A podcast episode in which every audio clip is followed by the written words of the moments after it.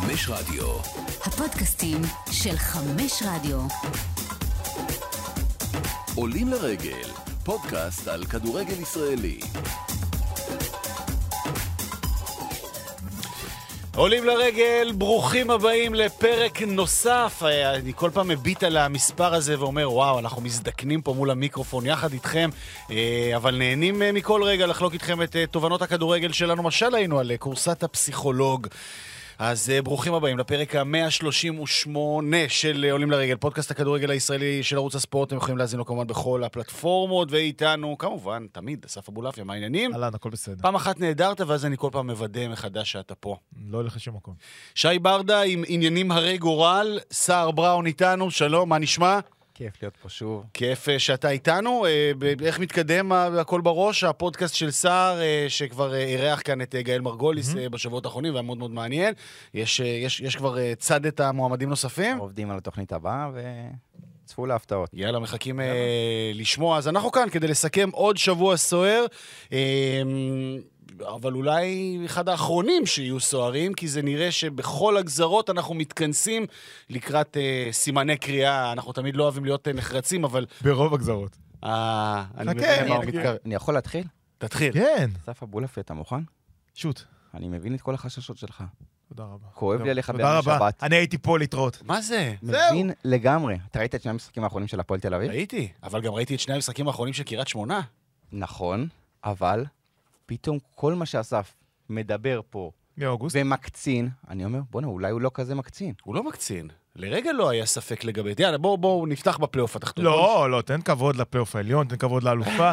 תשאיר את הניי ויש לי ניי. לא, יש לך פה בן אדם שמכיל אותך, מה שאי אפשר להגיד עליי, זה, זה וואלה, נכנסת שר, נכנסת מעולה פה אחרי המשחק עם ריינה, אני חשבתי על הסף ואמרתי, ועל כל העשרת אלפים אוהדים שהיו במשחק, אמרתי, מה שעובר עליהם, לא מקנא בהם. אני רק יודע להגיד להם דבר אחד, וזה, וזה דבר שאמרתי כל הזמן, ואני נשאר נאמן אליו, ואנחנו גם עוד נתווכח עליו, כי בסופו של דבר לא, אני לא טוען שהאמת אצלי, אלא רק זו דעתי, אה, שיש גרועים מהם.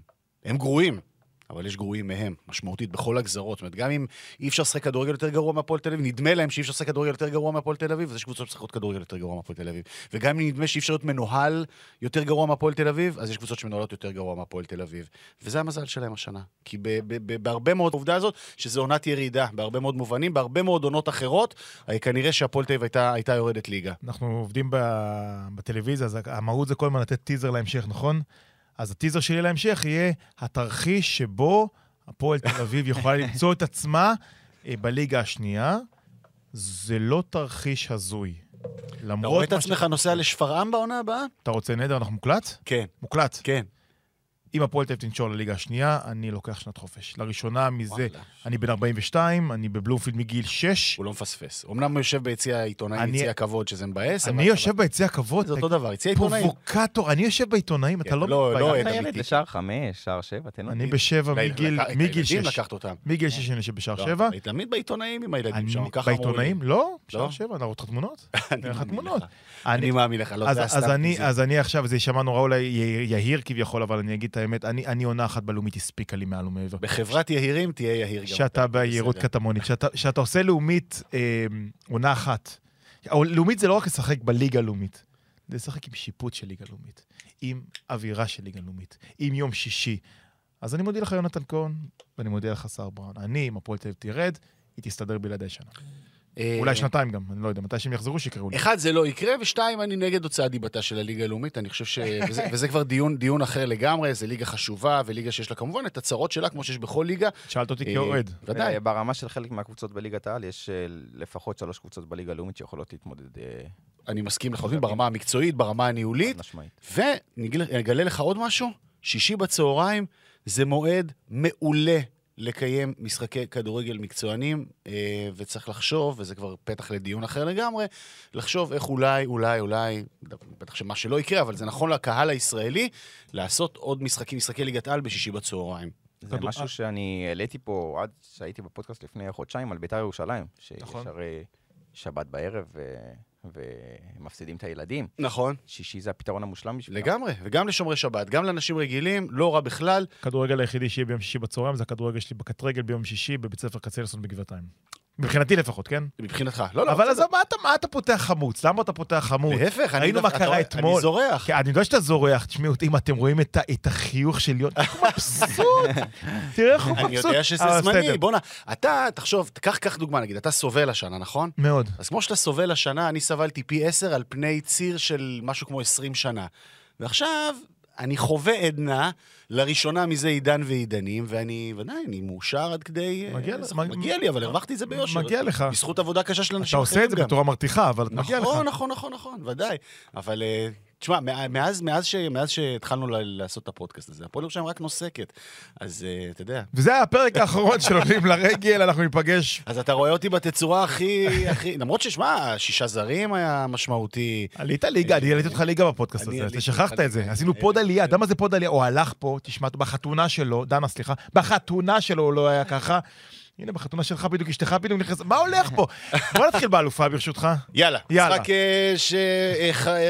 שחרץ בסופו של דבר את גורל הפלייאוף העליון במאבק האליפות, ניצחון בדקה ה-90 על אה, אשדוד, אה, עומר אצילי בפנדל. אה, מאוד משמעותי, כן. הרי הפנדל הזה. אני אגיד למה. אני איש של תרחישים, כל הזמן אני חושב תרחישים, כי מי של- מי שהיה ב-2010 יודע מה זה תרחישים הזויים שקורים. אם מכבי חיפה לא מנצחת, יונתן, אתמול, פתאום היא מגיעה בפלוס חמש להפועל באר שבע. ואז הפועל באר שבע מנצחת, ופתאום זה פלוס שתיים. ופתאום אתה אומר, רגע, רגע, רגע, רגע, רגע, האליפות הס- הסגורה שלי לא כזאת סגורה. כי הפועל באר שבע פתאום נטולת הלחץ, יכולה, סלווה עליו השלום היה אומר, לגנוב את הארנק ברגע האחרון. מתחת לחצאית. מתחת ככה, לחצאית, לא, בדיוק. אה, ומכבי חיפה למדה, כמו שסלווה היה אומר, לא להכין את, הסט... את הפיתה לפני שהסטייק מוכן. אז מכבי חיפה אתמול, אתה יודע, יש תמיד שערי האליפות. תמיד אתה אומר, מה היה שער האליפות? אז אני חשבתי, תמיד שער האליפות העונה היה הדרדור הזה של סק נגד מכבי תל אביב, ככה בסוף של הסוף. יכול להיות ששער האליפות של מכבי חיפה. היה אתמול פנדל, כן, אה? דקה 89, של עומר אצילי, שאתה אומר, אוקיי, זה הסטמפה. והסטמפה הגיע מבחינתי לפחות, שראית את ברק בכר, דומע, ומבין שזה קורה. אסף, אני אגיד לך איפה היה הסטמפה שלי, Hmm? באליפות של מכבי חיפה? בפנדל, אבל בפנדל שג'וש כהן לקח נגד אה, אשדוד. וואלה, במשחק בסיבוב הקודם. עשרה שחקנים בסמי עופר, הם הובילו 1-0 בדקה 20, אם זה נהיה 2-0 מול עשרה שחקנים, שהם עשרה שחקנים, אני חושב ש... שוברים אותם. זה נכון. והם עש- עשו שם מהפך בעשרה שחקנים, ניצחו את המשחק הזה, שם אני חושב שכולם הבינו שמכבי חיפה לא תוותר על האליפות הזאת. ושימו לב מה קורה עם מכבי חיפה בפלייאוף העליון. זאת אומרת, אנחנו... הרי אה, מבחינתי. הדרך לאליפות זו דרך. עכשיו, מכבי חיפה בשבוע שעבר, שיחקה נגד הפועל ירושלים שלך, יונתן. מה קרה לה נגד הפועל ירושלים? הובילה, בצדק, כמו שהובילה בצדק אתמול.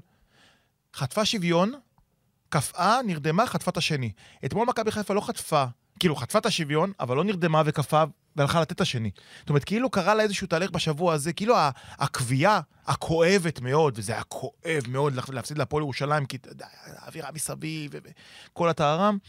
פתאום מכבי חיפה, אני ראיתי אתמול אוכלת האחת-אחת, ובמקום שתרד לאיזה סוג של מלנכוליה, ויכולה בקלות לעקץ על ידי מחליפי אשדוד, שזה באמת להוריד את הכובע בפני הילדים האלה, אדיר. כן, נגיד, אשדוד, זה מאוד מאוד חשוב. לוי. אשדוד זו קבוצה שמאוד קשה לנצח אותה בבית שלה, אשדוד זו קבוצה שמאוד מאוד נוח לה, אנחנו רואים את זה גם היסטורית תחת רן בן שמעון, ובמיוחד העונה הזאת, מאוד נוח לה נגד הקבוצות הגדולות, אה, אבל אשדוד, כמובן, חסרה את חמודי כנען, והבחור הזה הוא חצי קבוצה.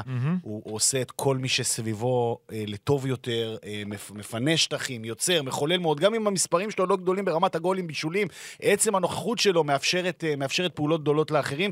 והוא כמובן לא היה אתמול, ואז גם בשלב מאוד מוקדם מאבדים את מוגיס, שזה עוד שחקן שלא אגיד לך גאון יוצא דופן, אבל נלחם ורץ ומיכאל אוחנה. בחוץ, ומיכאל אוחנה זה בוודאי, כבר, כבר שבועות ובריאון לא. משחק, אז כל האיכות שלהם בחלק הקדמית. ועם קבוצה כל... אז פתאום, זה הם חזרו. בוודאי. כן, כי וזה יש להם, מדהים. יש להם כבר את הדור הבא, את כל האדיר לוי האלה. עכשיו, מה היה קורה למכבי חיפה? ב- ב- לא רק מכבי חיפה, כל קבוצה שרצה לאליפות במצב כזה, שפתאום כמה ילדים יושבים לאחת-אחת, ב- בלחץ של הבית, במגרש המסריח הזה של הי"א, קורה לך מה שקרה לך בשבוע שעבר עם טדי, ופה זה לא קרה למכבי חיפה, כי הם הלכו לתת את השני, אז נכון, זה יעד וזה פנדל וזה, אבל כאילו הם עשו איזשהו סוויץ' בראש אחרי הפועל ירושלים, כאילו הפועל ירושלים נתנה להם איזשהו מראה, תירגעו, ואתמול הם באו ונתנו את השני, למדנו מהר. למדנו מהר את, ה, את, ה, את התקלות אה, מהשבוע שעבר. וזה הסקת מסקנות, זה דבר ראשון בקבוצת כדורגל. או תובנות אה, מחיפה? אה, עוד מחצית ראשונה לא טובה של מכבי חיפה. אה, זה מדהים, אני, אני, אני כות- כותב אותך, זה מדהים, כי כל הפלייאוף העליון של מכבי חיפה, כל השערים מאוחרים. כל השערים שלהם... זה אגב אבולוציה של קבוצה, זה. נורא מעניין, כי בשנה שעברה המספרים היו הפוכים. הפוך, בדיוק. דקה שעברה- 20 הם הובילו 2-0. בדיוק, כל משחק. הם גמרו משחק, עד, דקה 30 בממוצע הם גמרו את כל המשחקים שלהם. אה, איך אפשר להסביר את זה? אני, אני חושב שבסופו של דבר, למרות שזה המשחק החמישים שלהם מהעונה, חמישים, וסער היה שחקן, סער יודע מה זה חמישים, על אחת כמה וכמה באינטנסיביות מטורפת לגמרי, בסופו של דבר הכושר שלה וה, וה, והעוצמות שלה באות לידי ביטוי בדקות האחרונות. עוד פעם, להוציא את המהפך נגד אשדוד, וישר לדעתי נגד הפועל באר שבע, כל השערים שלהם בחלק השני של המשחק. המפולת על מכבי נתניה, השער עם הפועל ירושלים, הכל הגיע להם בסוף. וזה עוד פעם עוצמה של קבוצה, עוצמה של מועדון, עוצמה של ראש, עוצמה של מנטליות, עוצמה של גוף. אני מסכים איתך, אני חושב שמקצועית היא לא הבריקה, אבל uh, שני המחליפים, גם צ'יבוטה וגם, שהוא המצטיין במשחק, נכון. ודין דוד, הביאו להם את הניצחון אתמול. אה, מוות צ'יבוטה לא קיבל הרבה קרדיט העונה, בכלל, מאז שהוא הגיע בינואר הקודם. ומוות זה שחקן ש... ש... שיחקתי איתו, הוא צריך ביטחון, הוא צריך מאמן שיאמין בו. ואיפשהו שם הוא נדחק החוצה. ואני חושב שאם הוא יקבל שם את הביטחון, אולי שנה הבאה, אם יעזבו שחקני מפתח, הוא יכול להיות שחקן... אה, כן, כי היו- יש הרבה אוהדים של מכבי חיפה. שאומרים, אה, כן, צ'יבוטה זה לקבוצות קטנות, זה זה, זה לא לא בשבילנו, אתה מאמין שיש בו את ה... אז ברור זהו, שמבחינת אתה מכיר סגנון אותו, משחק- כמה קשה לו היה. זאת אומרת, אה, מאביס היה כוכב בבני יהודה, יצא ל- לבולגריה, עשה שם דברים לא רעים בכלל, בהתחלה. בהתחלה בעיקר, נכון? ואז הוא מגיע למכבי חיפה והופך להיות עוד שחקן ברוטציה. ברור שקשה לו, אבל אני יודע שמאביס התבגר. מאביס של פעם לא היה מקבל את זה שהוא יושב בספסל ובקושי משחק עולה לארבע דקות אה, בסוף, ומאביס של היום הוא במקום אחר, ואני חושב שגם ראו את זה איך שהוא עלה, עלה מהספסל. זה משהו שפעם לדעתי הוא לא היה יכול לעשות, ו- ואת זה הוא שדרג. יכול להיות שזה המסר של מכבי חיפה לקראת העונה הבאה. זאת אומרת, אה, אם אנחנו מסתכלים על, על, על הסגל של מכבי חיפה, רובו נשאר, אמור להישאר, ואז... ומאביס יכול להיות מאוד משמעותי. אני דווקא חושב וזה- שיש הרבה סימני שאלה בהתקפה של מכבי חיפה. אה, דיה סבא רוצה... דיה סבא לא יהיה במכבי הוא לא מסתיר את זה. שהוא רוצה לצאת לחו"ל. לא יהיה, קשה לי להאמין. זה תלוי ביקוש, אתה יודע. אצילי וחזיזה גם, אני לא. בטוח שפוזלים. חוזים. אה, תחושת מיצוי, הם עם חוזה, כן. אה, אצילי כן, חזיזה זה סימן של... תשמע, השאלה הגדולה זה עמדת המאמן. עכשיו, אה, נ- מה השאלה הגדולה? זאת אומרת, מי זה יהיה? מי זה? יהיה? ברק אני בכר. אני רוצה לומר שמאזיננו העקביים, אה, אתה יודע, יש נטיות לאנשים לבוא ולהאדיר אה, דברים שהם אמרו, גם אם ככה היו חצי מקריים או נבואיים או ניחושיים, אבל אה, מאזינים ותיקים של הפודקאסט אה, אמרו לנו שכבר בקיץ דיברנו על זה, אנחנו כאן, שזאת תהיה העונה האחרונה של ברק בכר, שכבר יש את ה- יש את הדיבור הזה ואת האנרגיות האלה, דברים שלא לא דיברו עליהם במקומות אחרים. שמה שהניע אותו זה שני דברים. א', תקווה כנה ואמונה אמיתית בעצמו שיצליחו באירופה, לא האמינו עד כדי ליגת האלופות וכולי, אבל שתהיה הצלחה כזו שכן תעורר עניין. אבל בעיקר, מה- מהמקום של אה, ברק בכר, אה, הצלקת, צלקת העונה הרביעית של, אה, של באר שבע, של הרצון לגמור הכי טוב בכל מחיר, ולא איזה עונה אחת שככה תערער טיפה את התחושות, למרות ש...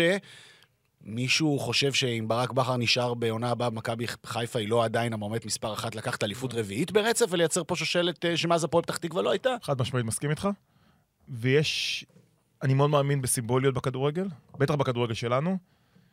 ולא בכדי נראה לי, ככה זה הולך, שמשחק ההכתרה של מכבי חיפה יהיה נגד הפועל באר שבע.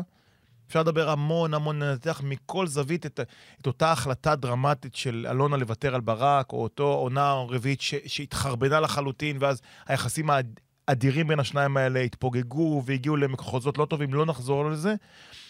אבל יש פה משהו מאוד מאוד סמלי, שמכבי חיפה ייתכן תניף את הצלחת מול הקבוצה שבה ברק עשה את שמו הגדול, ויותר מהכל, במהלך אחד כביכול, שהוויתור של ברק, בוויתור של הפועל באר שבע על ברק וההבאה שלו למכבי חיפה, ששינתה את פני הכדורגל, שינתה את ההיסטוריה של הכדורגל הישראלי, מהמם. לא פחות ולא יותר, ואני מאוד מאמין בסימבוליות, ונראה לי שזה הולך לקרות שם.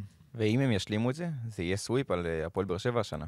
זה 12 מ-12, וואלה. ואני לא זוכר שקבוצה במקום האלופה עושה 12 מ-12 על המקום השני בצורה כל כך חד משמעית. כן. לחלוטין, חד ובעצם- משמעית. ובעצם שמה סוף לכל אה, הניסיונות שלנו לייצר אה, מה שנקרא מאבק אה, תודעתי, אשלייתי, שכאילו היה פה באמת מאבק האליפות, כי כנראה שבאמת מכבי חיפה הייתה גדולה על כולם מהרגע הראשון. אני מסכים איתך. ואנחנו עוד אה, נדבר עליהם אה, כמובן אה, רבות בהמשך הדרך, אז מכבי חיפה מפרקת את המוקש האשדודי המורכב הזה בצורה באמת פשוטה. ומשחק הבא, משחק חוץ מול הפועל באר שבע, שבו מכבי חיפה יכולה לקחת אליפות, משחק חוץ מול הפועל באר שבע, שככל הנראה לא יתקיים בטרנר, וזה מוביל אותנו להפועל באר שבע, אבל בואו נתחיל, נתחיל דווקא עם הסיפור, אבו, של העונש. שמקבלת אה, הפועל באר שבע, שלא תוכל לשחק בבית. עוד מעט נרד לכדורגל, הניצחון שלהם אה, אה, בטדי בשבת, הם מצליחים מול הפועל ירושלים, בניגוד למכבי חיפה, אבל תכף נעסוק בזה. בואו נדבר על, על הענישה. מה אני אגיד, עוד פעם דיינים? מה אני אגיד, עוד פעם זה דיינים? אבל אתה יודע מה, אז אני, אני, רוצה לת, אני רוצה לתת רגע את החצי סנט שלי כדי, כדי להניח את הרקע, את היסודות לדיון בינינו. תשמע, היה פה סיפור ב- מאוד מאוד חריג. מדברים פה על זריקת, אנחנו מדברים על המנואלה, אה, אותו אה, אה, אה, כלי שבאמצעותו יורדת תפאורה מגג היציע עד למטה ומייצרת באמת אה, אה, מחזה עוצר נשימה, מרהיב ביופיו, סטייל אה, דורטמונד ועוד כל מיני קבוצות אה, אה, באירופה. באמת, עניין תרבותי-אומנותי מן המעלה הראשונה. אממה, כמה אבלים שם אה, החליטו לזרוק אבוקות לתוך הדבר הזה, ו- ובעצם הדגל, אותו דגל פריסה מטורף שירד באמצעות המנואלה הוצת, וצריך להגיד בכנות, שבדרך נס לא נפגעו אנשים מהדבר הזה, בניגוד להרבה מאוד סיטואציות שבהם אנשים נורא נבהלים מאבוקות וסכנת נפשות. פה יכול היה להיות מצב שעשרות היו נשרפים למוות ביציע. אני חושב שניצלנו מאסון. חד משמעית. אסון, באמת, בקנה מידה שלא לא, לא זכור לי, בטח לא בכדורגל בארץ. אני שותף לזה, ואני חושב שאנשים לא הבינו את זה עד הסוף. אני חושב שאנשים תמיד מעצימים אה, קצת, קצת עשן ביציע, נכנסים נורא נורא ללחץ. ועדיין, יונה, פה הייתה סכנה מטורפת. לרדיוס הזה עוזר? אז אוקיי, סבבה, אני מסכים עם כל מילה. מה- מפחיד. בדיוק, כל מה שאתה אומר אני מסכים, עדיין משחק האליפות, בטח אם זה היה ארבע הפרש, צריך להיערך בטרנר. אני אהיה יותר בוטה ממך. זה התערבות בספורטיביות של הליגה הזאת. חד משמעית. הפועל באר שבע כקבוצה וכמו, וכמועדון הרוויח את הזכות להיאבק מול מכבי חיפה בבית שלו. הרי ההוצאה בשביל... מה זה, מה זה ההוצאה? מה זה הרדיוס הזה, יונה? Mm-hmm. הרדיוסים, כמה שנים אתה הולך לכדורגל? בערך כמוני. כמה, כמה שנים מד- יש רדיוסים? שנים. זה. עזר אי פעם?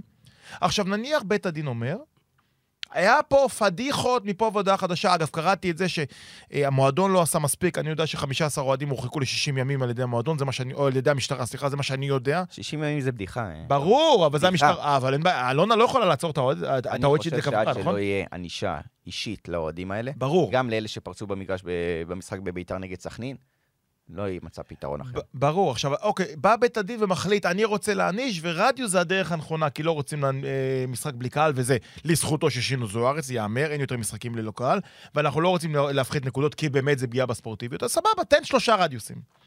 לא במשחק העונה.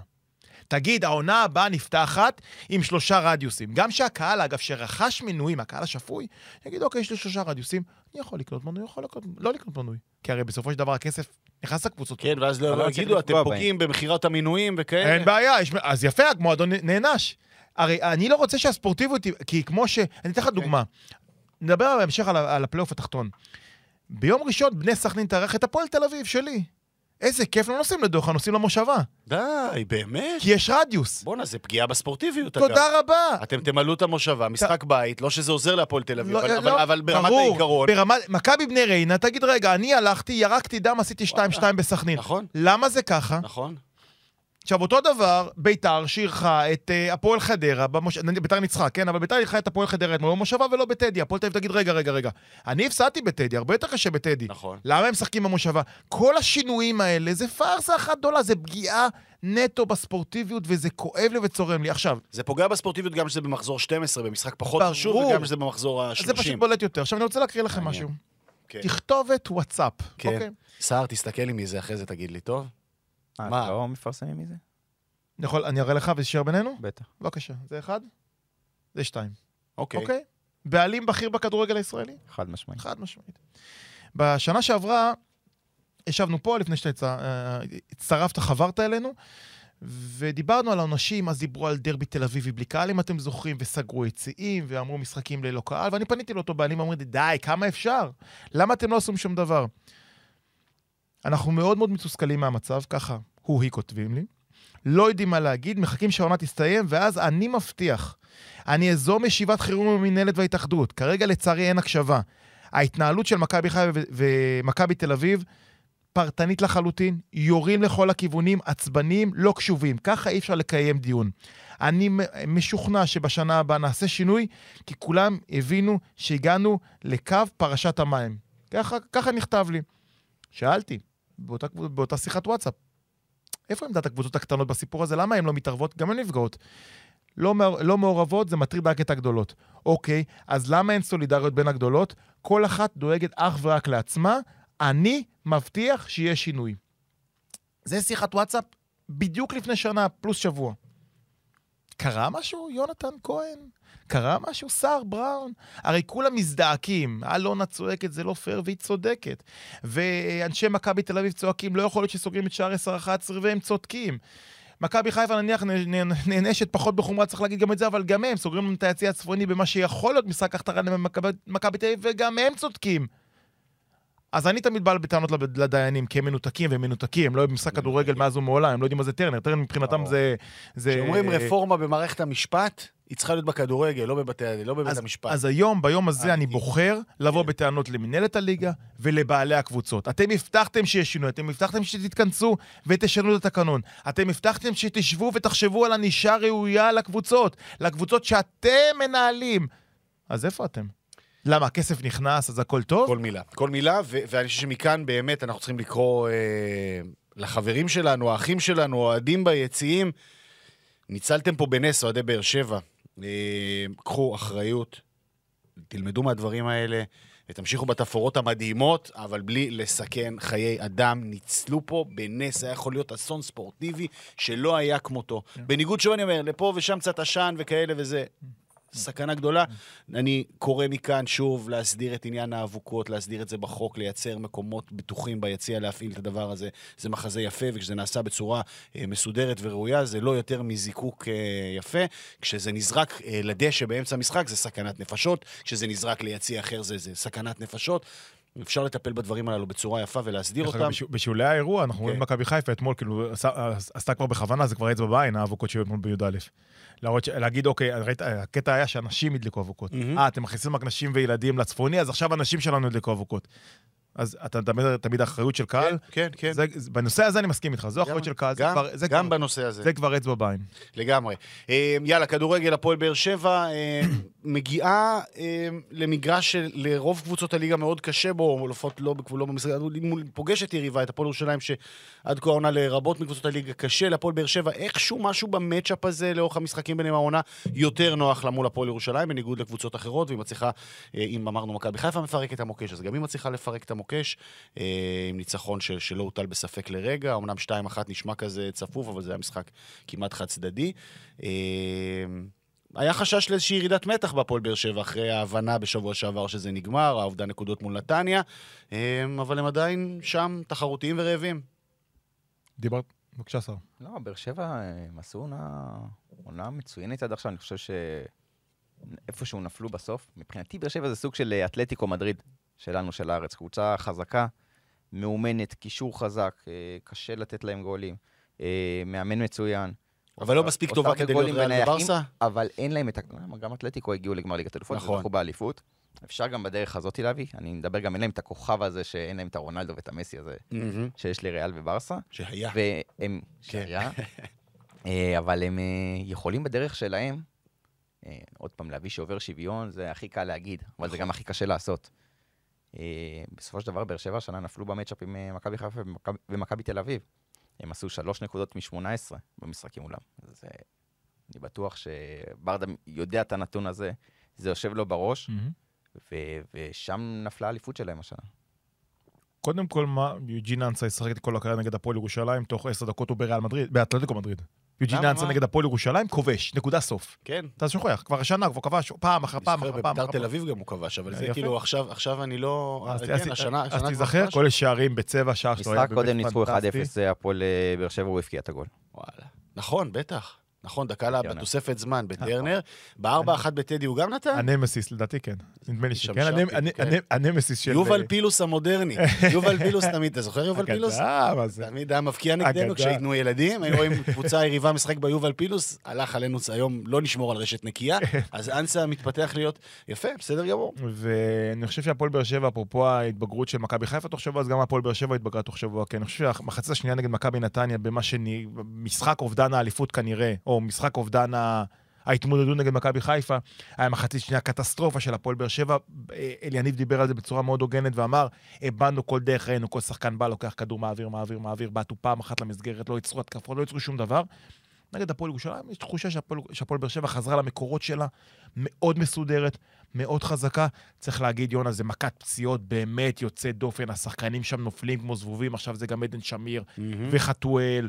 אז, אז אני מסכים מאוד מאוד שאין לה את האצילי, ואין לה גם את הזהבי. נכון. עכשיו, אני לא יודע אם היא יכולה להביא.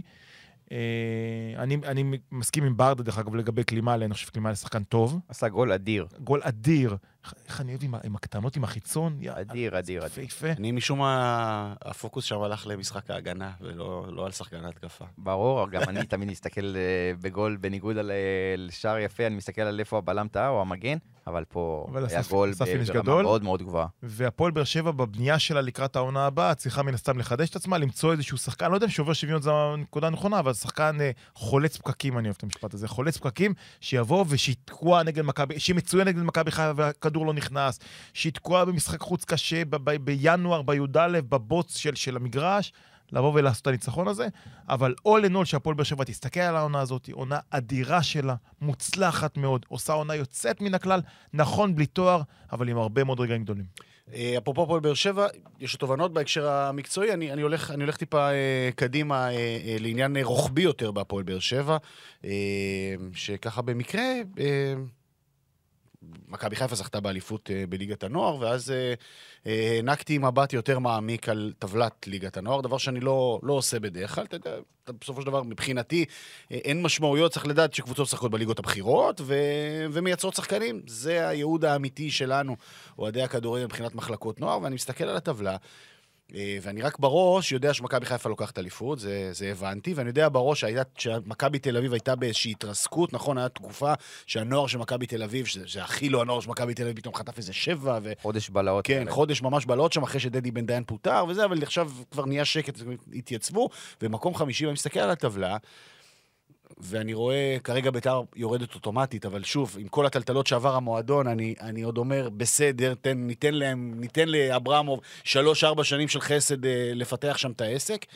הפועל באר שבע נמצאת במקום שמוביל למבחנים. והפועל באר שבע, אלונה ברקת עובדת, אי אפשר להגיד שלא, על מחלקת הנוער הזאת למעלה מעשור, ושיתופי פעולה, והביאו מאמן שהיה במכבי תל אביב, ופיטרו אותו עכשיו רק... מה קורה שם? עכשיו, עזבו את זה שהפועל באר שבע לא מצליחה לייצר שחקנים, שזה הערך העליון. אין, לא צומחים שחקנים במחלקת הנוער שלה. שזה הזוי, כי יש לה חלק מדינה שלה. כן, זאת אומרת, כל מי שהולך, כל מי נכון. שאזור הדרום, זה, זה לא שאתה בתל אביב, אתה מתלבט אין להם בין... אופציה אחרת שם. אה, בדיוק, אתה לא מתלבט בין מכבי הפועל, זה לא מכבי. הפועל. מכבי אתה מתלבט בין, בין 50 קבוצות. סליחה, בתל אביב אתה מתלבט בין 50 קבוצות. מה, רמת השרון לא מחלקת נוער טובה? ראשון לא. מחלקת נוער טובה? מכבי פתח תקווה לא מחלקת נוער אדירה? זה, שמנו עוד בצד את התל אביביות. באמת, זה בלתי נגמר, ואתה בטח מכיר את העולם הזה טוב ממני. באר שבע זה פשוט לדעת ללקט את הטובים שבטובים מכל אזור הדרום. והם במבחנים, כרגע, במקום שמוביל למבחנים, אחרי שפיטרו שם מאמן, אה, מורשת אלונה ברקת היא, בוא נאמר, בוא, היא בדרכה, בדרכה להיות איזי שרצקי עם פרס ישראל על מה שהיא עושה במועדון הזה, אבל זו פגיעה קשה מאוד מאוד ב, במה שהיא עושה. משהו שם נעשה לא נכון. משהו שם לא, נעשה לא נכון. תראה, הייתה שיתוף פעולה עם אתלטיקו מדריד שלא הצליח, אם אתה זוכר, נגמר מאוד מאוד מהר. אה, ואני מאחל להם כמובן להישאר בליגה, זה הכרח, אה. חשובים לליגה. אז באמת, אני מתחבר ל- ללקח הזה, הם יישארו בליגה. ללקח הזה, הפועל באר שבע צריכה לשאול למה הקבוצה הכי מבוגרת בליגה. זאת אומרת, אם מסתכלים על אה, חלק, מהות של קבוצה זה באמת לבנות את, ה, את הבוגרים הצעירים, את הדור דור ההווה מול דור לפעמים, העתיד. אתה אומר, לפעמים זה בא על חשבון הישגיות, אז אני אומר, תשאילו, ת, ת, אבל יונה, גם במכבי חיפה ומכבי תל אביב, תוציא את אה, אוסקר גלוך. איזה שחקן... אה, מכבי תל אביב. מבוססת רובה על שחקני בית, גם אם מבוגרים יותר, בזכות מבוגרים יותר, המנגנון. כבר בני 27, 28. אין בעיה, אז, אז- אז, אז- הדור הבא, הדור הבא כבר בחוץ כדי, דניאל, כדי, דניאל, כדי דניאל לחזור. פרץ כביכול הוא כבר שחקן בוגרים, אבל עדיין צעיר, צריך להגיד את זה. דור, דור תורג'מן, כביכול, עוד פעם, כביכול, הכל כביכול, אנחנו לא יודעים מה. מכבי תל אביב נותנת להם הם כולם. כרגע, מכבי חיפה גם בתהליך רק של השנים האחרונות, אז כל דור העתיד שלה, לפחות על פי מה שאנחנו מבינים, נמצא בעפולה ומשחק באופן קבוע בליגה לאומית, וקבוצת הנוער אה, מיוצבת במקום טוב. כן, ובאר זכתה באליפות שבע. גם קבוצת הנוער לא, לא מיוצבת, והיא שוב במאבק הישרדות אה, ש, שלא לא ידעתי עליו, ואין אין לך פס ייצור. מי יש לך בהפועל באר שבע? סליחה, אור דדיה, תומר יוספי, אה, דן יסלחו לי. ביטון זה שחקן שגדל שם. נכון, דן ביטון. הם כבר 26-7. נכון. זה מה שיונה אומר, זה נכון, שחקנים שרואים נכון. רואים את הסוף. סליחה, כאילו לא את הסוף, אבל רואים ב- בעיצומה של לגמרי. שהם פספסו אותו. אה, הפועל באר שבע זה אחד הדברים אולי הכי מהותיים שהם יצטרכו לשים דגש, אבל אלונה שם הרבה זמן. נכון. אולי צריך לשנות משהו. זה בטוח, זה בטוח. אה, מכבי תל אביב. אה, עם כל הפוקוס, אה, עם כל הפוקוס אה, למשחק אה, חצי גמר הגביע, כמוה מכבי נתניה שפגשה אותה, כמוה כמובן אה, גם אשדוד וביתר. אה, מכבי תל אביב, סיפרו לי אוהדים שלה, שכל המשחק היו רק נעולים על דבר אחד, שערן זהבי לא יקבל צהוב. עולה למשחק מול ביתר עם ארבעה צהובים, ואנשים שם לא נשמו. עכשיו, יודעים, זהבי גם אחראי, גם שחקן התקפה, לא אמור לקבל צהוב, אבל היו בחרדה עד איזה דקה 87 שהוחלף. ממש דפק להם הלב. אני חושב אה, שזה לא צריך להיות חרדה אם הוא היה מקבל צהוב. זה היה נגמר גם בצהוב שני כנראה. אה. טוב, זה דברים קטנים של כדורגלנים. וואי, איך עושים את זה? מה, חולצה כזה? חולצה, לא טאקל חזק. זהבי היה מוצא דרך. היה מבקיע גול ומוריד את החולצה.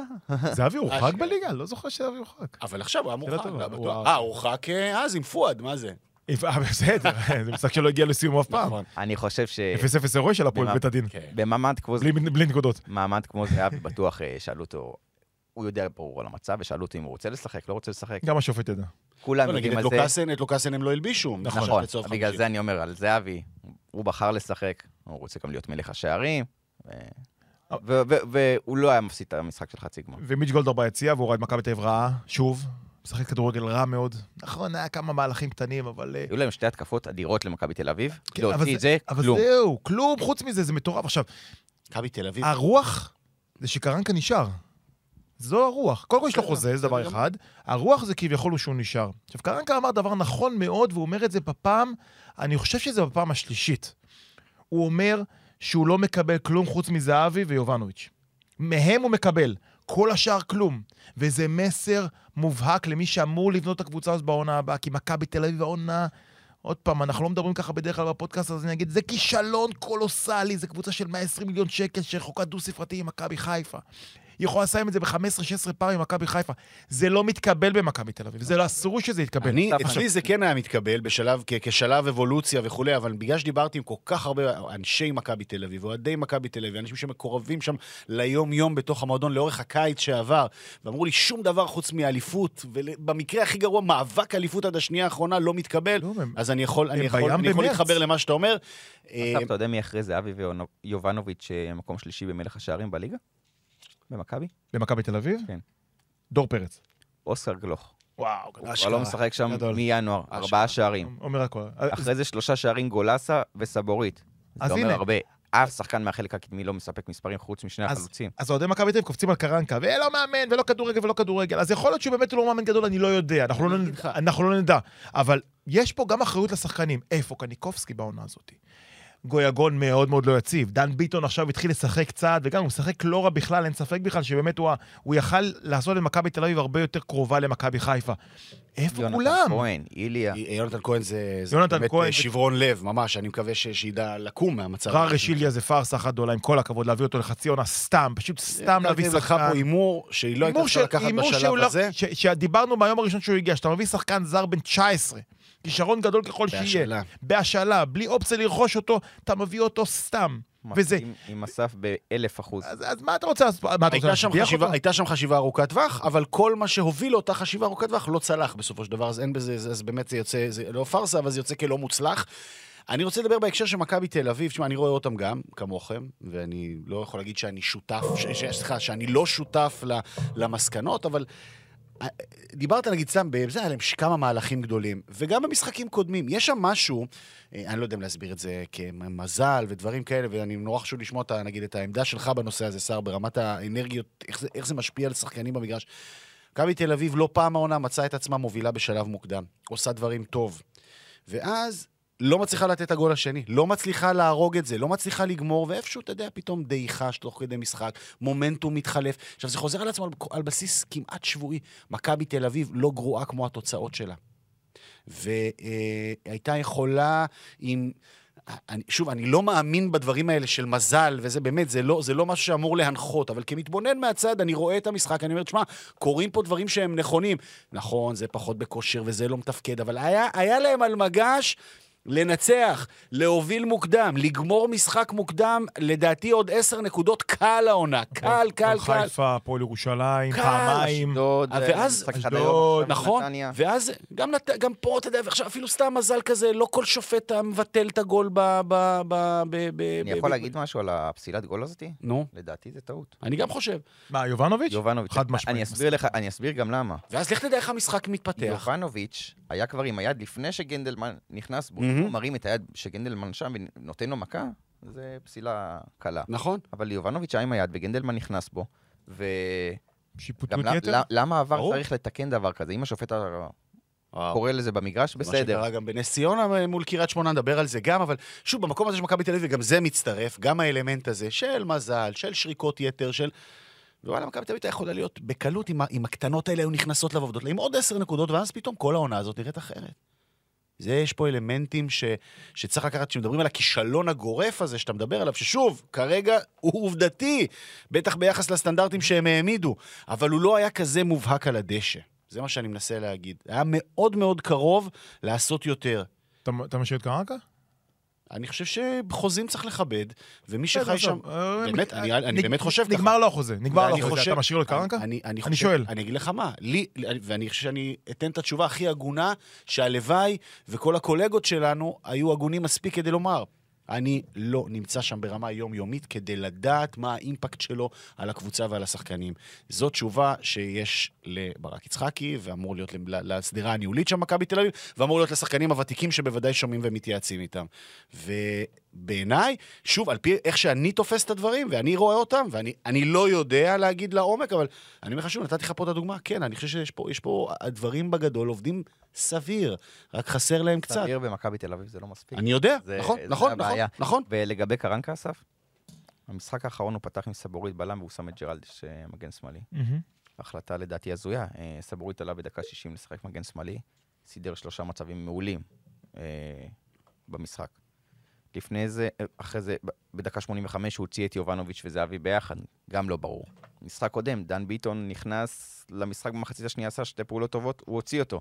ככה שגם הניהול משחק שלו, אני חושב שאפשר לראות בהבזקים קטנים שלא מבריק. לא נראה לך מוכר כל הסיפור הזה? אתה יודע מה זה מזכיר לי? את מי? את קרסטייץ'. אתה זוכר מה קרסטייץ' עשה בהתחלה? טל בן חיים מגן ימני. כן. אנשים אומרים, בואנה, הבן אדם נפל מהירח. כל מיני ציוותים. זה הגיע. משהו שמאוד הגיוני למאמן שלא מכיר מספיק את הכדורגל, לא מכיר מספיק את השחקנים, ומגיע באמצע העונה. מה הוא עושה? מנסה. לוקח את סער ברן, אומר, אוקיי, אולי נשים את סער ברן חלוץ. רק שיש לו ננסה. שהוא המגן השמאלי הכי לא טוב מת- בארץ. אנחנו לא מתווכחים, אבל אני ואתה יודעים את זה, ויונה יודע את זה, ויכול להיות שיש לו דוחות scouting, אנחנו מכירים אותו כבר סבורית כמה, שש שנים, חמש שנים, כמה שנים הוא פה? כבר הרבה מאוד אבל שנים. הבסיס של מאמן אז- שמגיע זה להכיר את השחקנים שלו. נכון, אבל הוא הגיע, צריך להגיד, עוד פעם, זה מה שקורה למכבי כבר הרבה מאוד זמן. לא סתם, מאז שעידן מיץ' גולדהר, שצריך להגיד, השנה, הקיץ הזה הוא יציין עשר שנים לאליפות הראשונה של אוסקר, שזה היה עידן אחר לחלוטין. לא סתם, כל מאמן זר שהגיע באמצע העונה, מכבי תל אביב לא הצליחה לקחת איתו אליפות.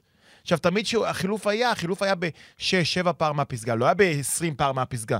המאמנים, ליטו וקרסטייץ', זה לא קורה, זה לא יכול לקרות, כי בסופו... אני לא אומר, לא מכיר את הליגה.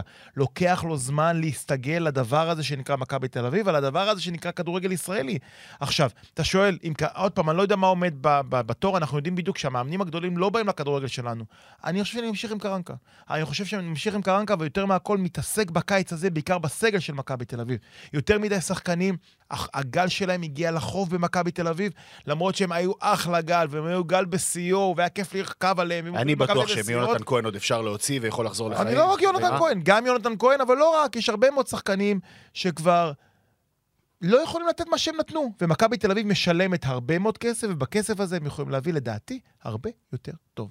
זה נראה לי שאי אפשר לחלוק על הקביעה הזו, והם ישמחו גם, אה, אתה יודע, אה, מה, מה עושים כדי להעביר מזל רע? אה, מדליקים נרות וכאלה? מה, איך זה? שאל את חדרה, חדרה, זה נרות, לא? כן, לעבור סדנה גם אצל, אה, איך קוראים לו? אצל טפירו האגדי של, של חדרה.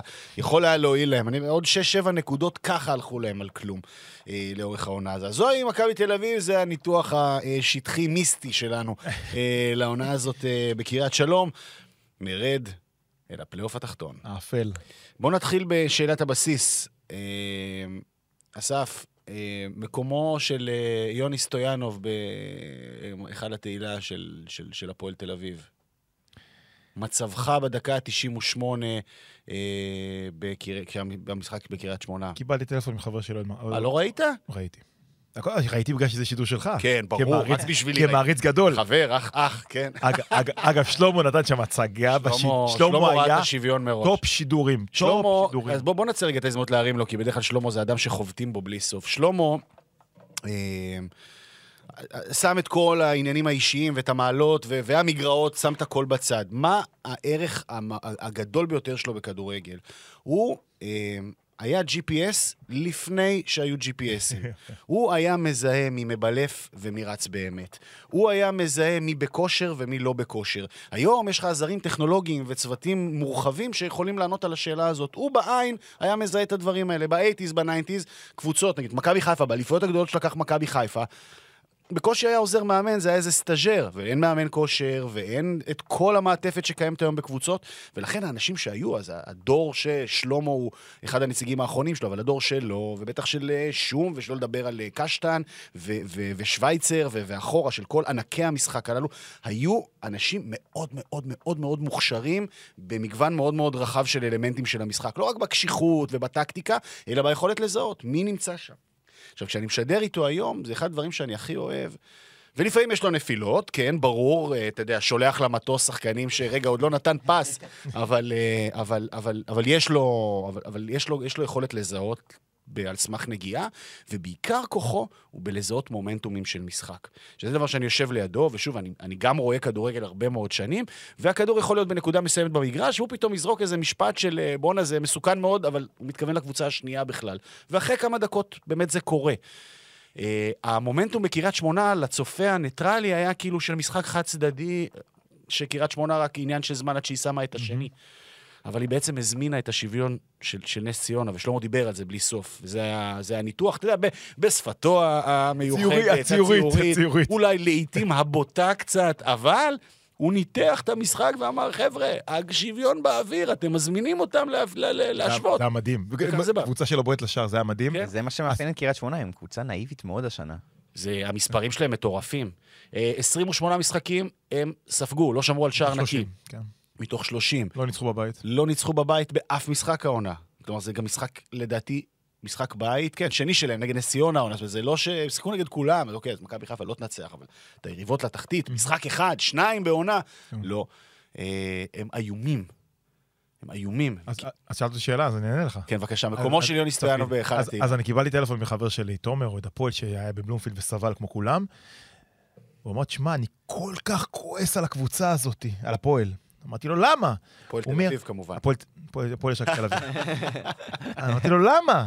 תשמח. הוא אומר לי, אני כועס עליהם שהם הביאו אותי לצרוח בסלון, להעיר את הילד משער שוויון של סקציית נס ציונה. הוא אומר לי, משחקן שלא מכיר, הוא לא כזה בקיא, הוא בקיא, הוא הולך כל משחק, אבל הוא לא בקיא בכ- בכל הליגה. כן. משחקן שאני לא מכיר בדקה ה-98 ואני צורח, יש! כאילו, הוא אומר לי, בואנה, זה הגול של זהבי ב-2010. הם הביאו, זה מה שהקבוצה הזאת, הפועל תל אביב הזאת, שאני יכול, זה סימפוזיון ארוך, הביאה את האוהדים שלה. עכשיו, יוני, שלחתי הודעה לקוקי, בן משפחתו, תמסור לי, יוני, אוהבים אותך, יוני. תשמע, זה היה הזוי. שווה- עכשיו, אני, עכשיו אני כן. חושב שאנחנו בליגה, אני לא חושב שבכל עונה אפשר להגיד את זה, אבל אני אומר את זה, ב, ב, זה עונה שמגיע לנס ציונה לרדת, מגיע לקריית שמונה לרדת, מגיע גם להפועל תל אביב לרדת. אין מגיע בכדורגל, זה נכון, ויש רק שתי יורדות, אבל מבחינת כדורגל, כמועדון, להפועל תל אביב מגיע להישאר, כי הפועל תל אביב פסע מעידן היסטורי. עידן שהולך לשנות את פני הקבוצה, את פני המועדון הזה בצורה קיצונית. אני לא אומר, אני אומר את זה מידיעה, יש פה בירידת ליגה תוכניות... תוכל לעכב את זה מאוד, כמובן. בדיוק, אבל זה- יש אבל פה תוכניות לא, לא ארוכות יקרה. טווח. אבל uh, כמו שלמועדון מגיע להישאר בליגה, לקבוצה הזאת מגיע לרדת ליגה. הקבוצה הזאת נמצאת איפה שהיא נמצאת, כי הגיעה למאני טיים של העונה בקריסה מנטלית ומקצועית. הפועל תל אביב הגיעה לפלייאוף התחתון, היא מפסידה לביתר ירושלים שסיימה את העונה, למרות שזה ביתר והפועל, אבל סיימה את זה, העונה. בטדי, זה היה לא פשוט שבוע אחרי שניצחתם שם. לא- מפסידה להפועל חיפה. הנרפאת והחלשה, כן, יסלחו לי, בהפועל חיפה. מנצחת במקריות את נס ציונה בבית בעקבות אותו אדום הזוי שאוסמן נכון, קיבל, אתה זוכר? נכון, כי אם האדום הזה לא. נכנס, הפועל לא מנצחים במשחק הזה, והיא מפסידה למכבי בני ריינה. חיים סילבס, יקירי, אני אסיים, אתה תצטרך להאזין לי עד הסוף. לא, לא, יש כי יש לך עוד מונולוג אחרי זה. חיים כן. סילבס היקר אה, דיבר לפני המשחק נגד הפועל חיפה במסיבת העיתונאים השבועית, ואמר, אני מרגיש שמגיע לי להישאר בהפועל תל אביב בעונה הבאה. ברגע שחיים סילבס, שהתחיל את הקדנציה שלו טוב בהפועל תל אביב, דיבר על העונה הבאה, פה אני הבנתי שהמצב של הפועל תל אביב חמור. להפועל תל אביב אין כרגע על מי לסמוך, אך ורק על היריבות של קריית שמונה. נכון. ועכשיו התרחיש. אז לא. התרחיש יהיה בסוף, רק מקצועית, התרחיש יהיה בסוף, תתחיל. מקצועית. אה, אתה מדבר על הפועל תל אביב? אוקיי, אני רציתי להגיד. על קריית שמונה אצלנו, קריית אבל... לא, לא, לא, לא. לא, תתחיל עם הפועל תל אביב, יאללה. התרחיש יסגור את המשדר, ואז אנחנו נעשה את הקטע שתיאמנו לפני, בסדר? ננסה? לא, סתם, אתה סתם. מעצבן אותי, נו. רצינו לעשות, אה, רצינו, אמרנו נעשה, נספר לטובת מאזיננו, אמר- אמרנו, לא, לא, כדי- נעשה, נעשה. כדי להביא traffic, אנחנו רוצים לעשות פה את הסצנה style אה, אראל סגל וחיים לוינסון. אנחנו לא מסוגלים. אנחנו אנשים נעימים מדי. לא, לא ילך, אה? טוב, תן לי, אה, סער. אה, מקצועית, הפועל תל אביב בשום שלב בתקופה של סילבס לא הבריקו. לא הבריקו, זה אפילו מחמאה. זה גם נכון לאורך העונה, לא? כן, לא, אני מדבר על סילבס שהוא אוקיי. שיפר אותם, כביכול. אה, אבל הם אה, עמדו עם חמישה שחקני הגנה, לא, תודה רבה. היו מאומנים, לא תיאמנו. נראו טיפה יותר שקשה לחדור אותם. בשני משחקים האחרונים נגד הפועל חיפה וריינה, זה לא הקבוצה של סילבס. אני אגיד לך ככה, בוא, אני, מה שקרה, זה המשחק נגד מכבי חיפה. הפועל תל אביב בא עם אוטובוסים, ואז התחילה, איך בושה, אה, בונקרים, סילבס, חיים סילבס, האוטובוס של יפה. סילבס, רשת האוטובוסים. ש- רשת האוטובוסים של. חיים סילבס, בקרוב, יפה. ליד מקום המגורים שלכם. ואז אני חושב, אני חושב, אגד, דן, מטרופולין וסילבס. כמו שיונתן יודע, חיים סילבס, סילבס, מאזין לפרשנויות, לפודקאסטים. קשוב לרחשי קשוב הציבור. לרחשי הציבור, ואני חושב שהוא התחיל מוקדם מדי את ההכנה לעונה הבאה, להגיד, הנה, אני לא יכול לשחק רק שלושה בלמים, כמו שהוא הצליח להביא את הפועל תל אביב לחוף מבטחים בזכות שלושת הבלמים, בואו נשחק עם ארבעה שחקן הגנה. והפועל תל אביב לא יודעת לשחק עם קודם כל, ארבעה כן, קודם כל זה הגנה. נכון, מה שאתה אומר, כי יש לו גם- הוא ש- צריך גם להרשים את הבלבטים החדשים. בדיוק, וברגע שהוא שינה אבל- את הדרך שלו, ולא הבטיח, הוא חשב שהוא הבטיח והתחיל לבנות את העונה הבאה בעיני התדמית שלו, מצד שני, נפלה. אבל, וזה גם הבעיה, כי זה גם נגיד מה שהיה לי, הקושי עם התפיסה הזאת של חיים סילבה, שאני אומר, טוב, אוקיי, כל עוד אתה במוד הישרדותי זה לגיטימי, אבל מצד שני אתה הפועל תל אביב. אתה הפועל תל אביב, אתה לא יכול להתבטל גם מול הפועל חיפה וגם מול ריינה, אז נגיד מול מכבי חיפה אתה עוד מחליק את זה, אבל נגד אה, ריינה, תן להם את הכדור ותעמוד מאחור, זה, זה, זה, זה נוגד גם את האתוס המתבנקר מיסודו של הפועל תל אביב. ולכן היה שם איזשהו ניסיון שהוביל כנראה לבלבול. וזה עלה להם בשני הפסדים. כן, שסיבכו אותם, אם קריית שמונה היו מנצחים, זה היה מסבך אותם קשות. עכשיו הפועל תל אביב אה, יכולים קצת יותר לנשום. לגמרי. אני רוצה לחזור, אה, אנחנו עוד כמובן נסגור את הפרק שלנו בהפועל תל אביב, אני רוצה לחזור לקריית שמונה נס ציונה. בואו נתחיל בלדבר על אה, שחקן אחד אה, שיהיה מאוד מאוד מעניין, והוא שייך להפועל באר שבע, וגם הזכרנו את השם שלו, כי הוא זה שנתן את הגול, שקוראים לו יוני סטויאנוב. אני, מבלי לפגוע חלילה באיש משחקני אה, נס ציונה, קבוצה שראיתי לא מעט העונה, יש שם מעט מאוד אה, חומר שיכול להישאר בליגת העל בעתיד. אה, יסלחו לי אם אני שוכח, אתה יודע, זה אומר אולי אלמוג בוזגלו בקבוצה ככה עם המהירות, אולי אה, אור רויזמן שהתפתח, ילד ממכבי תל אביב. אה, אני מנסה לחשוב, אני מנסה לחשוב. אילי טרוס היה לו. עונה בסדר, אבל הוא כבר 23-24, אז אתה אומר, אוקיי, יכול להיות שזה הלימיט שלו. בלי לפגוע, מה שנקרא. אין שם הרבה חומר, לפעמים הקבוצה יורדת ליגה, וקבוצות עטות על הכישרונות שיש לה. סטויאנוב זה משהו מאוד מאוד מאוד משמעותי. והוא שייך להפועל באר שבע, ועכשיו גם פה סימן שאלה. האם שווה לו לחזור להפועל באר שבע לעונה הבאה, ולא להמשיך להתקדם אולי בעוד מקום?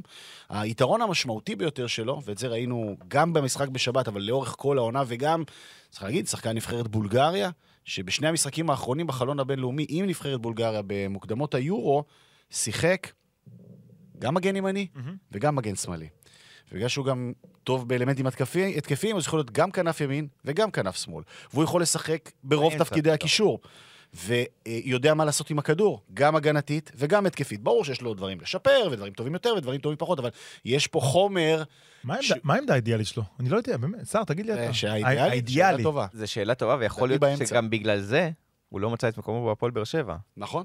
כי אמרו, הוא לא באמצע, הוא לא מגן, הוא לא אבל כנף. אני חושב שהיום, זה היום, התפקיד של אליניב ברדה, לדעתי אה, כמו יוני שעשה- עם שגיב יחזקאל. למצוא לו את העמדה שלו, אולי אפילו מגן ימני, אבל אה, יש כבר שגיב, זהו, שם- בדיוק, אז עכשיו. מצאו שחקן אה, שעושה את זה מושלם שם, אבל אני חושב שיוני סטנוב חייב אה, לקבל דקות משמעותיות שנה הבאה בהפועל באר שבע, הוא שחקן מצוין. והם עשו הברקה שהביאו אותו. אני בטוח שהם יפתחו. אני, אני זה הרגיש לי בהתחלה, בשנה שעברה, טוב, הם נו, תמיד באר שבע מביאים את כל השחקנים שיש, גם, אה, גם, אה, כמו חת- גם חתואל כזה לא האמנתי שהוא, שהוא שחקן לרמות האלה, ו, וגם הדהים אותנו. אה, כי, כי גם באר שבע הביא המון המון המון שחקנים, סתם, כל מי שהיה בינוני הגיע ומעלה בליגה לאומית. שם, אה? יוני סטנוב הם קנו. נכון. ישר. שממש האמינו בו. ממש. ו- ורואים למה, כי הוא באמת שחקן מצוין. שיחקת איתו? צריך לא. לשחק. לא, לא זה? לא, הכל היה הפוך, לא. נכון. ושוב, הגיוון שלו וההתקדמות שלו הוא גם השתפר משנה לשנה. זה בחור שעובד, ואתה רואה אותו גם מתפתח פיזית, כן. וגם, אה, וגם מתפתח אה, מקצועית במה שהוא מביא למשחק. מאוד מאוד מעניין יהיה לראות מה הוא יעשה. הוא יפתח את העונה הבאה בהפועל באר שבע, שאלה היא אם יוכלו להבטיח לו דקות משמעותיות, ואז, אה, ואז הוא יצטרך לכלכל את צעדיו. קריית שמונה, אה, מדברים פה באמת, אה, אמרת את כל, ואי אפשר להתווכח עם אף מילה שאמרת על הפועל תל אביב, הכל נכון. רק שיש קבוצה אחת שהיא יותר גרועה, עוד יותר גרועה, באמת, קריית שמונה גרועה העונה, ודיברנו על זה, היא גרועה בכל האלמנטים של המשחק שלה, אה, כשגם עכשיו גם כל ההיבטים האלה של קרמה ודברים כאלה שהם גם חלק מהמשחק, והדברים האלה גם מובילים להחלטות מקצועיות לא נכונות, אתה יודע, אתה לא מוציא את רועי קהת מה, מהמגרש ב, ברגעים כאלה, בדקות כאלה. איכשהו יצא, כאילו, כל המשחק השתנה. ו, ושוב, יצא דקה 92 מתוך 7-8 דקות תוספת, אבל אלה בדיוק היו החמש דקות הקריטיות. אבל בכלל שחקנים לא... יודע, שקר, היה לו תקופה שהוא שקר, שקר. רע מאוד הרבה מאוד זמן. והיה לא לו מצב של לו. גול ב- לסיים את. המשחק.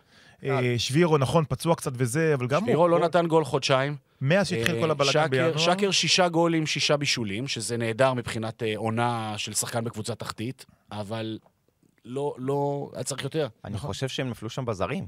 זה חד אין להם משמעית, אף מתחילת זר העונה. משמעותי. אחד. מתחילת העונה זה ככה.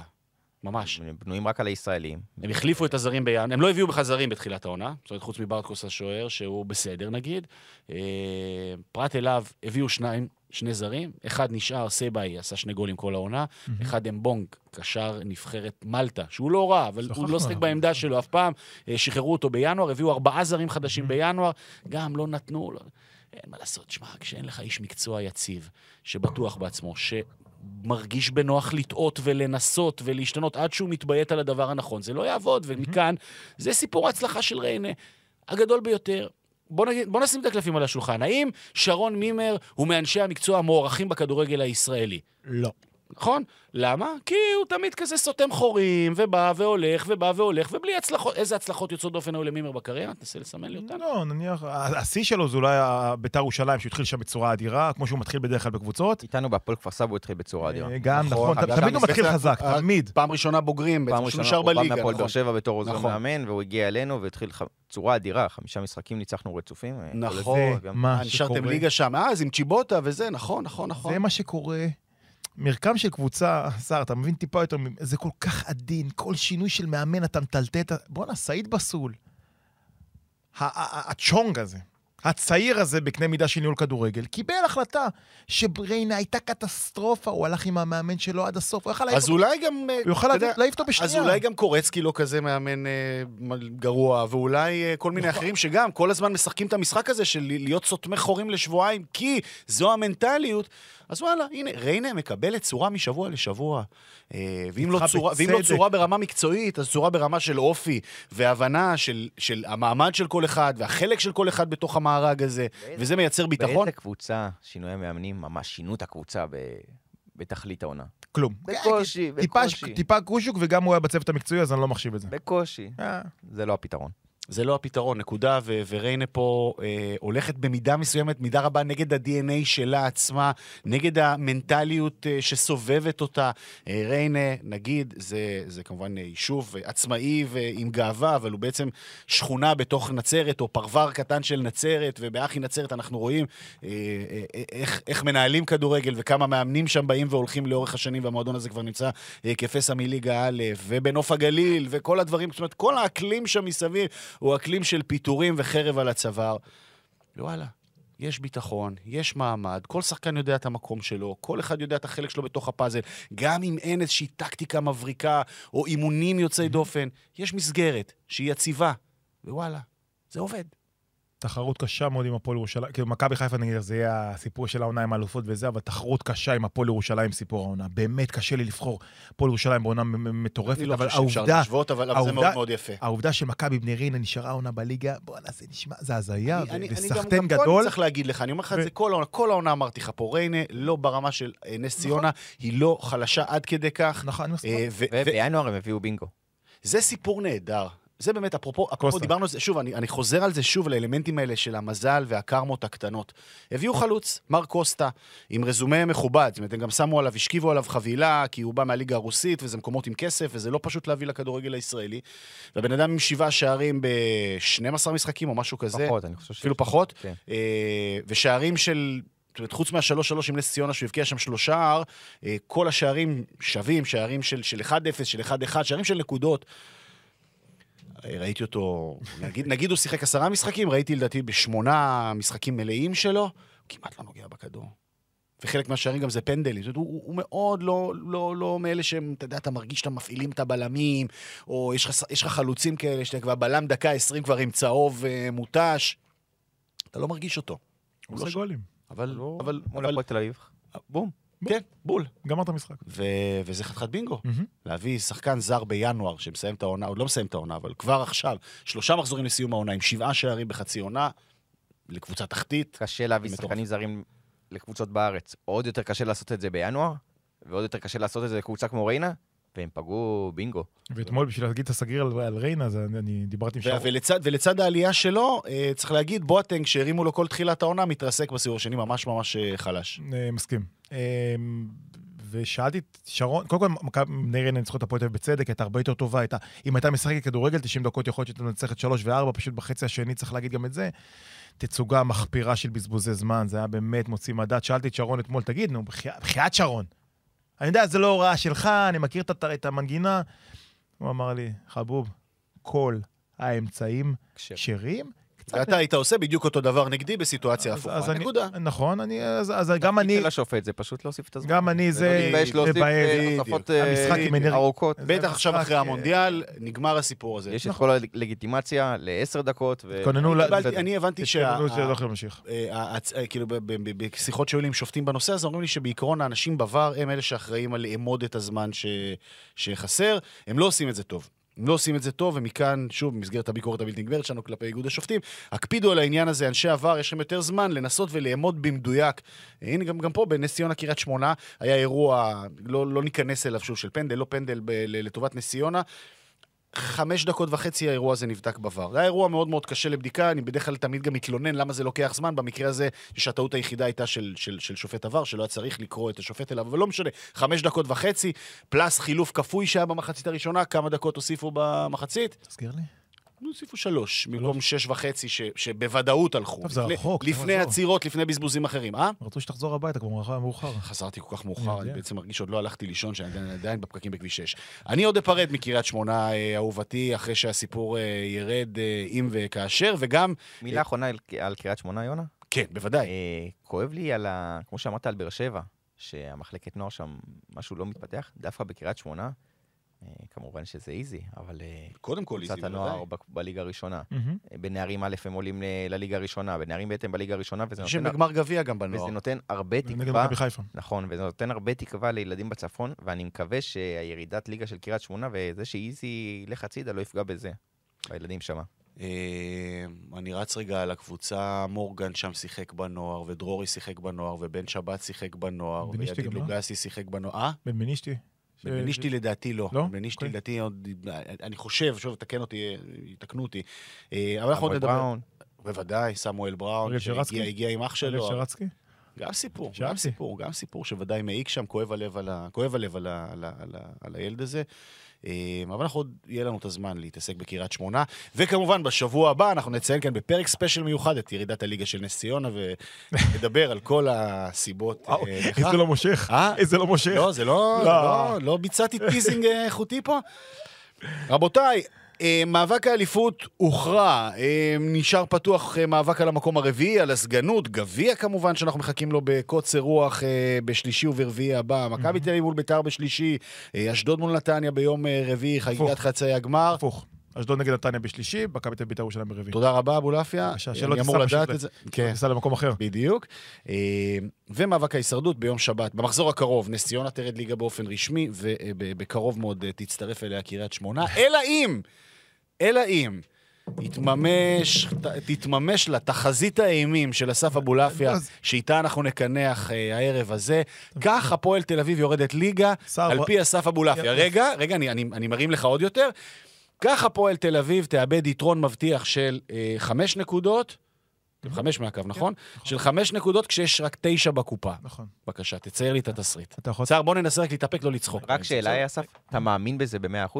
כן, בטח, הוא אני- מתפלל גם. אני- רגע, קודם כל אני מבקש מיונתן לצא החוצה. אתה יכול לצאת החוצה? צא החוצה, עוף החוצה.